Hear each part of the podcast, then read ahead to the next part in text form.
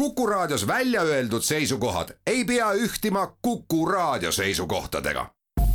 Te kuulate Kuku Raadiot.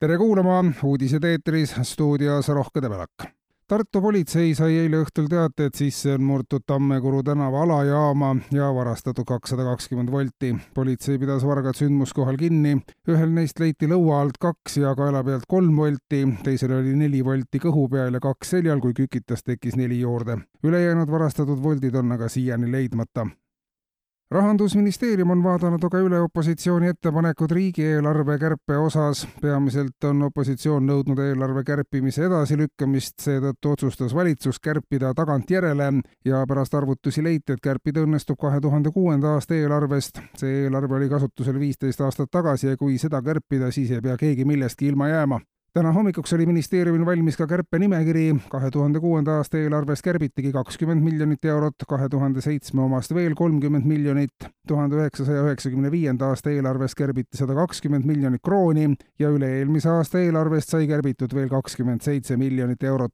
kokku on kärpeid enam kui kahesaja miljoni euro eest ja lisaks on järgmise aasta eelarve veel üldse puutumata. see on tulemus, milleni harva maailma rahandusministeeriumid jõudnud on ja opositsioonil ei ole enam millegi üle põhjust nuriseda ja tehnoloogia uudiseid viimaste andmete kohaselt on Eesti isesõitvate autode kasutamise vallas maailmas esirinnas. mitmed arendajad, kes isesõitvatele autodele pikalt on panustanud, on andmeid nähes olnud jahmunud Eesti suurest edumaast. politsei statistika kohaselt on iga kolmekümne neljas sõiduk, mis Eesti teedel liigub, isesõitev, sest selle sõiduki roolis olev inimene ei ole tegelikult suuteline auto juhtimiseks midagi olulist ette võtma. isesõitvaid autosid on teedel kõige rohkem nädalavahetuse öö ja varajastel hommikutundidel, samuti riiklikel pühadel. tihti on kaasliiklejad hämmeldunud ühe või teise sõiduki liikumisstiilist ja see tuleb samuti veel vähearendatud isesõitva auto arvele panna. sageli leiab politsei, et pärast toimunud avariid ei ole kedagi roolis või ei oska autos viibinud seltskond enese hulgast leida inimest, kes oleks autot juhtinud. kes isesõitvaid autosid arendab, Pole praegu veel selge, ametlik tootja on leidmata ja on alust arvata, et Eesti aladel arenevad autod isesõitvateks iseseisvalt.